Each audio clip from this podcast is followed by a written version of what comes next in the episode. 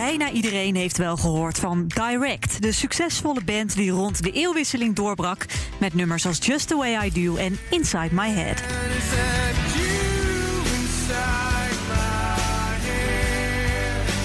Nu, 20 jaar later, is Direct nog altijd niet weg te denken van de Nederlandse muziekradio. Ik ben Bas van Wageningen, uh, bassist van Direct, al uh, uh, van de originele formatie. Doe dat al sinds 1999. 2020 had een bijzonder jaar moeten zijn voor Direct, omdat ze 20 jaar bestaan. Het is een gek jaar. Het jaar dat ons jubileum had moeten zijn.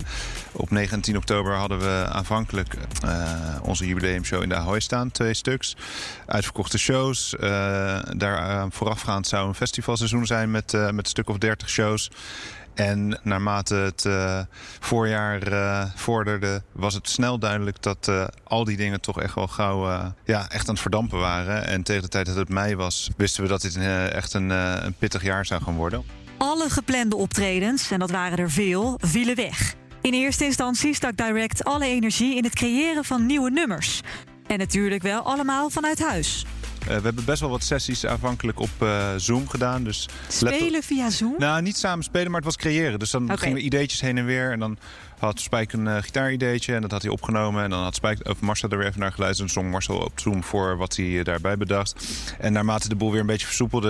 hebben we al vrij snel zijn we wel weer de studio ingegaan. En om in contact te blijven met de fans, liet Direct regelmatig van zich horen op social. Uh, zijn we begonnen gewoon uh, door achter de piano te kruipen.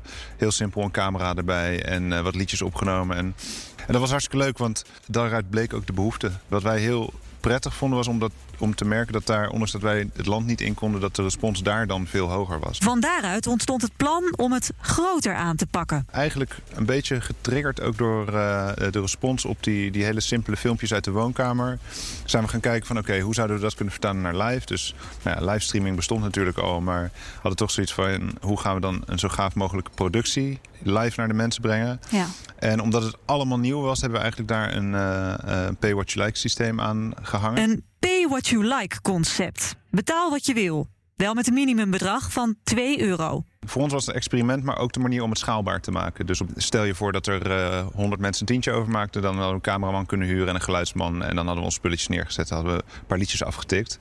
En uh, gelukkig bleek er heel veel interesse. En uh, ook, bleek ook al heel snel dat als je... Nou ja, we hebben een minimumbedrag van 2 euro. En daarmee worden een stukje servicekosten en dat soort zaken uh, gecoverd. Maar uh, al heel snel bleek dat mensen uh, niet alleen voor die minimum instap meededen, maar dat mensen ook het initiatief de hart onder de riem steken. En dat het gemiddelde ergens tussen de 8 en de 10 euro lag. En dat idee sloeg duidelijk aan. Er werden bijna 11.000 kaarten verkocht voor de eerste livestream. Dus dan kan je flink uitpakken.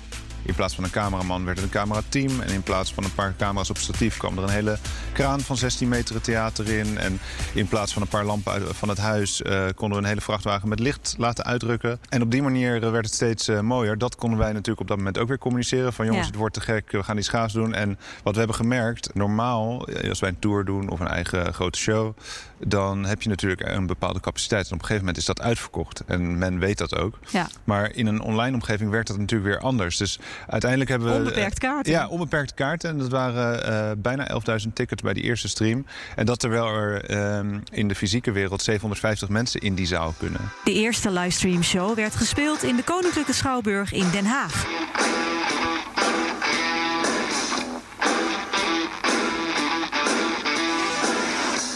Het concept beviel de band zo goed dat ze nog vier livestream-shows opzetten in de maanden daarna. Op bijzondere plekken, zoals de Pier van Scheveningen en het Mauritshuis. Maar levert het genoeg op? De omzet is eigenlijk hoger dan we ooit hadden durven dromen. Uh, door de belangstelling. En, uh, Omdat er onbeperkt aantal kaarten verkocht ja, worden. Ja, zeg maar dat je, het feit dat je meer dan 10.000 kaarten in de Koninklijke Schouwburg kan verkopen. Waarvan ja, het gemiddelde dan uh, zo richting de, de 10 euro gaat. Dan, mm. nou ja, dan, dan is er, komt er opeens veel meer geld binnen dan we hadden durven. maar alsnog is dat een fractie van wat er binnen zou komen in een seizoen zoals dat dit jaar zou zijn. Want waar eigenlijk juist, juist in dat jubileumjaar ook doorgestoten naar dat naar die headline spot op festivals. Ja. Dus we hebben dat eigenlijk heel snel losgelaten. Ook van, joh, dat is nu zo, daar gaan we niks aan veranderen. En mijn optiek is ook van nu zichtbaar blijven. Uh, uh, nu in ieder geval actief zijn en, en toffe dingen doen. Op een andere manier toch proberen te groeien. Inmiddels is livestream nummer 5 geweest op 11 december vanuit het Koerhuis in Scheveningen. I love you! Dit is nummer 5. Ja. Daarna nog meer? Ik, ik, mijn eigen optiek is dat de evenementen waren de eerste, was de eerste omgeving die eruit vloog uh, in maart. Ja. Uh, en dat maakt dat ik een beetje het gevoel heb dat het het laatste zal zijn wat terug zal komen. Dus we houden er rekening mee dat het nog even duurt. En als dat zo is, dan, uh, dan hebben we ook nog een paar concepten die nog heel geschikt zouden zijn om ook weer een interessante en een gave stream mee te kunnen maken.